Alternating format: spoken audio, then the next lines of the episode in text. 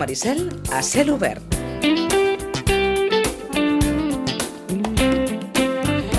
I aquesta és una qüestió que molt sovint cada rebella de Sant Joan apareix o a l'inici de l'estiu apareix, que és època, evidentment, en, i més en una zona com la nostra, mediterrània, en què, en què el foc, el fum, els petards són especialment inherents gairebé a les nostres celebracions, acostuma a aparèixer sempre aquest, aquest assumpte.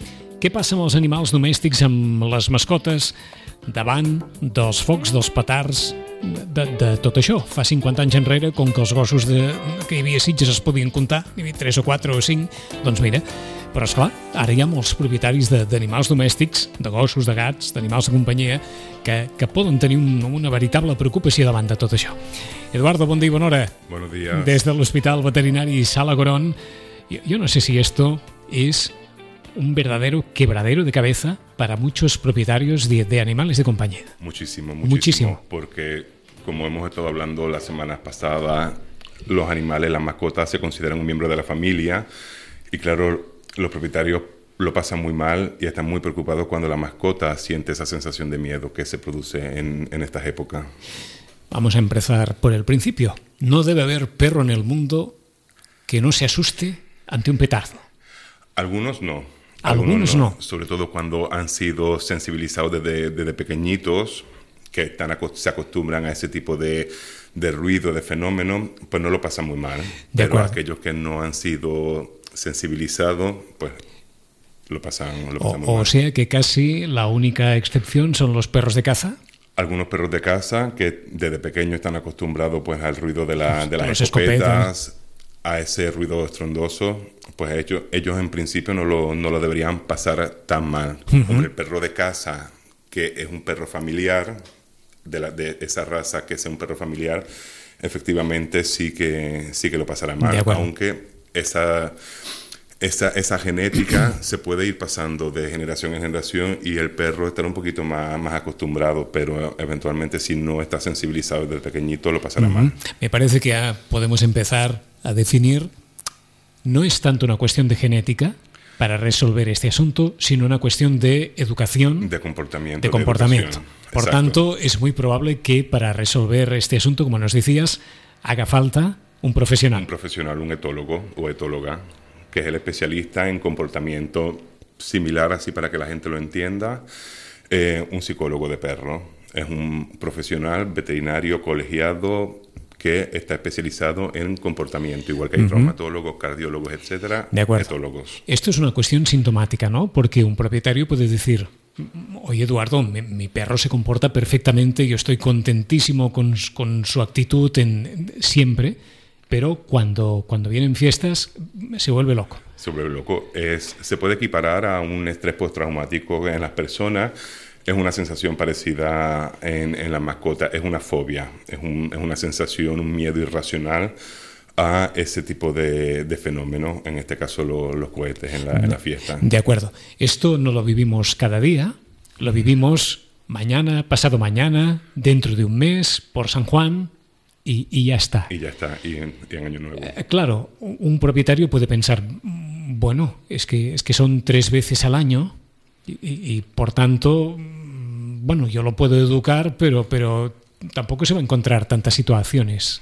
Hombre, así. efectivamente, se puede, se puede pensar de esa manera, pero habría que considerar si esas tres, cuatro veces al año interesa que la mascota eh, esté pues medicada, que es lo que suele el parche más, más común y efectivo que, que suele haber, en plan a dar un, un ansiolítico, por Sí. ejemplo, en el caso de, de las mascotas, o des- o desensibilizarlo de una manera efectiva ante pues cualquier cualquier evento que pueda que pueda surgir porque hoy estamos aquí pero a lo mejor dentro de un año dentro de dos años nos movemos a otro sitio que las fiestas son más Sí, frecuentes sí.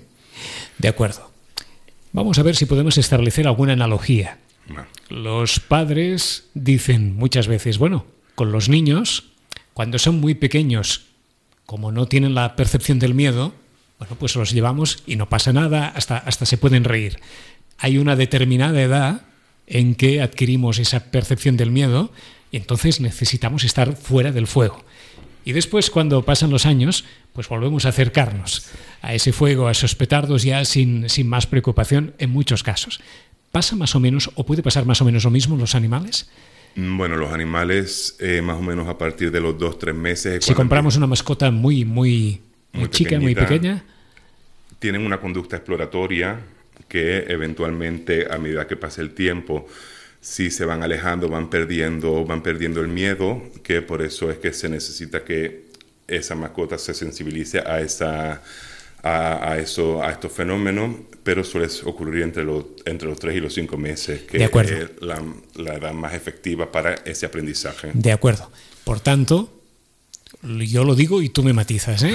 Aquellos propietarios que digan, bueno, pues, pues nos vamos a ver una, una precisión, un, un cercavila con, con nuestro perro chiquito de tres meses o cinco meses.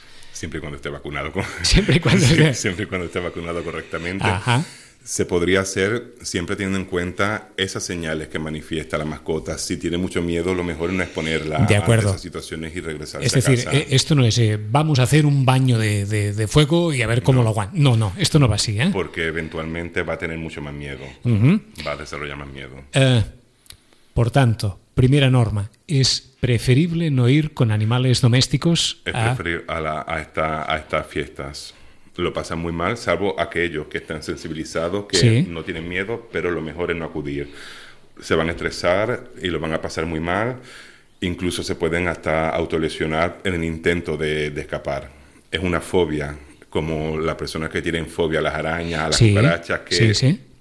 Esa sensación, pues los animales es igual. Entonces, si los vamos a exponer de esa manera, van a intentar escapar, se lo van a pasar muy mal, incluso pueden pasar cualquier cosa. ¿Es mejor dejarlo en casa? Es mejor dejarlo en casa, en, en una habitación muy tranquilo, todo cerrado, todas las ventanas y puertas bien cerradas, e incluso si existe la posibilidad de poner televisión o radio a un, a un volumen aceptable para que no se, para que la mascota se distraiga con ese ruido, Ajá. mejor. Es decir, eh, la televisión o la radio pueden servir de, de- De distracción. de distracción, ¿eh? De distracción. Lo dejamos en casa. Para aquellas personas que, que digan, bueno, és que a la nit del Castell de Foc o, o, o passa la cercavila a prop de casa meva i, per tant, el, el soroll eh, i els petards els sentirà igualment. Uf. Eh, bueno, hay Castillo de fuegos artificiales, mm, vaya, no hay, no hay escapatoria. No hay escapatoria. Sí, sí, sí. En este caso, lo ideal es cerrar todas las puertas y todas las ventanas de casa, cosa de minimizar al máximo cualquier el ruido. Es inevitable las personas que viven en el centro o en zonas de donde pasan donde pasan los cohetes y, y, y toda la actividad. Pero cerrando todas las ventanas y todas las puertas, que se Ajá. minimice al máximo el tema de, lo- de los ruidos, pues puede, puede ser favorecedor. Crear un ambiente, un tipo de refugio, una madriguera, ya sea debajo de la mesa, una caseta de campaña donde el animal se pueda resguardar y sentirse seguro, es otra, es otra opción. De acuerdo, porque supongo que es una cuestión que el propio animal interiorice que está en un lugar seguro. En un lugar seguro, exacto. Luego, si nos quedamos con él, muy importante no acariciarlo durante el periodo de miedo. Eso es un refuerzo, es un refuerzo positivo para la mascota y va a asociar las caricias con el miedo y eventualmente pues va, va a repercutir en la mascota. O sea que, al revés que los humanos, ¿eh? Al, al revés que los humanos. Es decir, cuando somos pequeños y tenemos miedo, nuestros padres se acercan a nosotros, nos abrazan, nos acarician. En, lo- en la mascota no. Nada de esto. Lo ¿eh? ideal es intentar, ay, intentar jugar con, con la mascota, distraerlo, pero no llegar a, acariciarlo, ni abrazarlo, ni, ni cogerlo, porque van a asociar ese, esa, ese refuerzo positivo con el miedo. Y no, no, no es bueno para la mascota. Ajá. Por tanto, mejor dejarlo estar casi. Dejarlo estar, que la mascota si quiere huir o esconderse, se esconda, no forzarlo a estar con nosotros porque, porque no lo va a pasar. Es igual que sacarlo a la calle en, eso, en esos Ajá. Eh, y ya está. Vamos a suponer que el perro empieza a ladrar o que, o que vemos en el animal un estado de ánimo verdaderamente, eh, digamos que, que imparable, de, de una tensión que no, que no se puede controlar. ¿Qué hacemos? Di- intentar distraerlo, eh, intentar empezar a jugar con él. Eh, hay juguetes interactivos donde se esconde donde se esconde comida para que la mascota se distraiga en esos momentos, empiece a buscar comida. Es tal vez una buena una buena técnica. Si esto no sirve, Si esto no sirve, pues ya habría que recurrir a, a posiblemente un tratamiento farmacológico para, para minimizar el, los estados de ansiedad en la mascota. De acuerdo. Hay tranquilizantes para perros, supongo. Hay tranquilizantes para perros y para gatos que, bueno, casi todos o algunos se dan también, se utilizan en, en humanos a otras dosis, pero que, que, existen, siempre bajo la supervisión o la receta de, de un veterinario. O sea, si vemos que el animal no se tranquiliza, cogemos el animal y al centro veterinario. Al centro veterinario. Normalmente la gente está teniendo mayor conciencia. Para la fiesta de San Juan, ya una semana antes la gente ya venía al, al hospital veterinario para buscar esa, esas pastillas que le han sentado bien a su mascota, en, ya sea en Año Nuevo o el año anterior, de acuerdo. etcétera. ¿Qué hacen las pastillas? Para todos aquellos que, no, eh, claro, estem a la vigília de la vigília de la festa major. Yo no sé si es demasiado mm, precipitado todo, pero en cualquier caso, ¿qué, qué hacen las pastillas? Bueno, hay, hay, diferentes tipos de pastillas. Algunos son sedantes, otros son tranquilizantes. Nosotros preferimos el uso de tranquilizantes, sobre todo porque tampoco queremos un estado de, de sedación, por así uh -huh. decirlo, en la, en la, mascota. Queremos una mascota que esté tranquila, sin estar completamente sedada o dormida que va un ansiolítico, un ansiolítico como, como las personas, de un estado de de relajación. Um, vamos a hacer un paréntesis aquí. Esto es el último recurso, ¿no? El último recurso ya ser el bueno el último recurso. No, me, me refiero a que, a que desde el punto de vista profesional vosotros preferís que la terapia sea distraer al perro, que el perro tenga juguetes, que tenga un refugio. Si esto no sirve, siempre hay la posibilidad, la posibilidad de, del tranquilizante. de Pero si no, es mejor, supongo, proceder de una manera más, más natural. ¿no? Más natural, exacto. De acuerdo. Sí. Este tranquilizante, ¿qué se toma cada día para que el animal pueda, pueda pasar la, una fiesta mayor tranquila? Se suele empezar, dependiendo del tranquilizante. Dependiendo del tranquilizante, hay tranquilizantes que el efecto realmente debería ser tranquilizar, pero los hiperexcita, en hace el efecto contrario. Eh, eso, por ejemplo, ese tipo de tranquilizantes, pues hay que, hay que empezar a darlos dos días antes para valorar y evaluar el efecto que, que tiene. Hay otros que con dar el mismo día del evento, por la mañana, por la tarde, es suficiente. Hay otros que con una única dosis también es suficiente. Todo dependerá de la edad de la mascota, las características de la mascota, si es un paciente con enfermedad hepática, renal, cardíaca, porque claro, no todos los tranquilizantes se pueden dar Ajá. en todas las mascotas. ¿Un perro mantiene mucho el estado de tensión?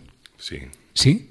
Es sí. decir, eso de pensar, mira, como los seres humanos, ha, ha passat la cercavila, ha passat el foc, ja estem tranquils, eh, en un perro esto no es tan puede, inmediato? Puede, puede tardar un poquillo más, porque ya al no, te, al no ser animales racionales, como, como nosotros que ya sabemos cuándo se ha acabado, los animales, esto es algo que les toma desprevenido y se pueden quedar en ese estado de puede volver a pasar. De acuerdo. Dentro de el... X, X minutos, X horas. De acuerdo. Se quedan en la, en la incertidumbre de, de, no saber si esta situación se puede repetir. Sí. ¿Esto vale igual para tormentas, para truenos, para rayos? Vale lo mismo. Vale, vale igual. Es un ruido, es, es un estruendo un, muy, muy fuerte que, claro, le crea un estado de, de ansiedad. Lo que pasa es que los truenos suelen ser precedidos por, por, por, luces que ya va preparando la mascota. Algo, algo va a pasar. De eso, en el caso de los fuegos, no suele, no suele ocurrir. De acuerdo. Esto supongo que cualquier tratamiento de este tipo tiene que finalizar, ¿no? Una vez ya el animal sí, se ha tranquilizado y ya está. Y ya, y ya está. Se suelen, se suelen dar dosis mínimas para tampoco crear un estado de, de adicción, teniendo en cuenta que estos tipos de medicamentos al actuar sobre, sobre el cerebro, pues crean un estado de... podrían crear una adicción, entonces pues intentamos dar dosis mínima uh -huh. el menor tiempo que sea necesario. Y una cuestión final, esto no es un asunto de razas. No suele ser un asunto de raza, aunque según los estudios sí hay algunas razas que están más predispuestas a, a pasar lo peor. Por ejemplo, con lo que, lo que te comenté antes, el tema de lo, los colis parece ser que según esos estudios suelen ser una raza que más sensibles a, a este tipo de fenómenos. Los gatos que siempre van más a su bola también, También lo pasan mal. También lo pasan único mal, que ¿eh? lo manifiestan de una manera diferente porque ante, ante el primer ruido se van, a- se van a esconder, buscan un sitio, un escondite lo más oscuro, lo más alejado posible y, y ahí se quedan. Los perros vocalizan, ladran, aullan, se orinan, defecan, tiemblan incluso les puede dar un, un- un paro, un paro cardíaco, intentan escapar de, la, de cualquier manera, tirándose por ventanas, por puertas, por terraza, todo. Por eso Es decir, el, el estado de tensión puede ser tan alto que que, que no sean, vaya, no son conscientes y buscan de la manera más, mm, más absurda, pero ellos no lo Sí. saben, intentar, intentar huir. Por eso es importante cerrar todas las puertas, cerrar todas las ventanas y evitar, evitar ese fenómeno. Por eso también recomendamos el uso de microchip, identificar a las mascotas, perros o gatos, porque en esos estados, en esos momentos, si la mascota por X o Y motivo logra escapar de casa, por lo menos ser estar, estar identificado y los dueños localizados. Esta sería la mejor solución para, estamos a 22 de agosto, mañana empieza todo, la mejor solución de entrada sería buscar un espacio para nuestra mascota, Que, esté, que se sienta seguro, Seguro. que se sienta protegido, lo más alejado posible del- de los ruidos. aunque nos parezca que lo dejamos en un lugar muy cerrado, muy... Es mejor así Es mejor así, ¿eh? que no se sienta, que no se sienta inseguro, porque en, en ese lugar se va a sentir, se va a sentir más tranquilo, va a estar relajado con su, en su espacio. Ahà. 10 i 33 minuts, alguns dels consells per abordar una festa major, diguem-ne, amb, una, amb una certa tranquil·litat des de l'Hospital Veterinari Salagorón. Eduardo Tobaja, gràcies de nou. Nada, gracias a ustedes.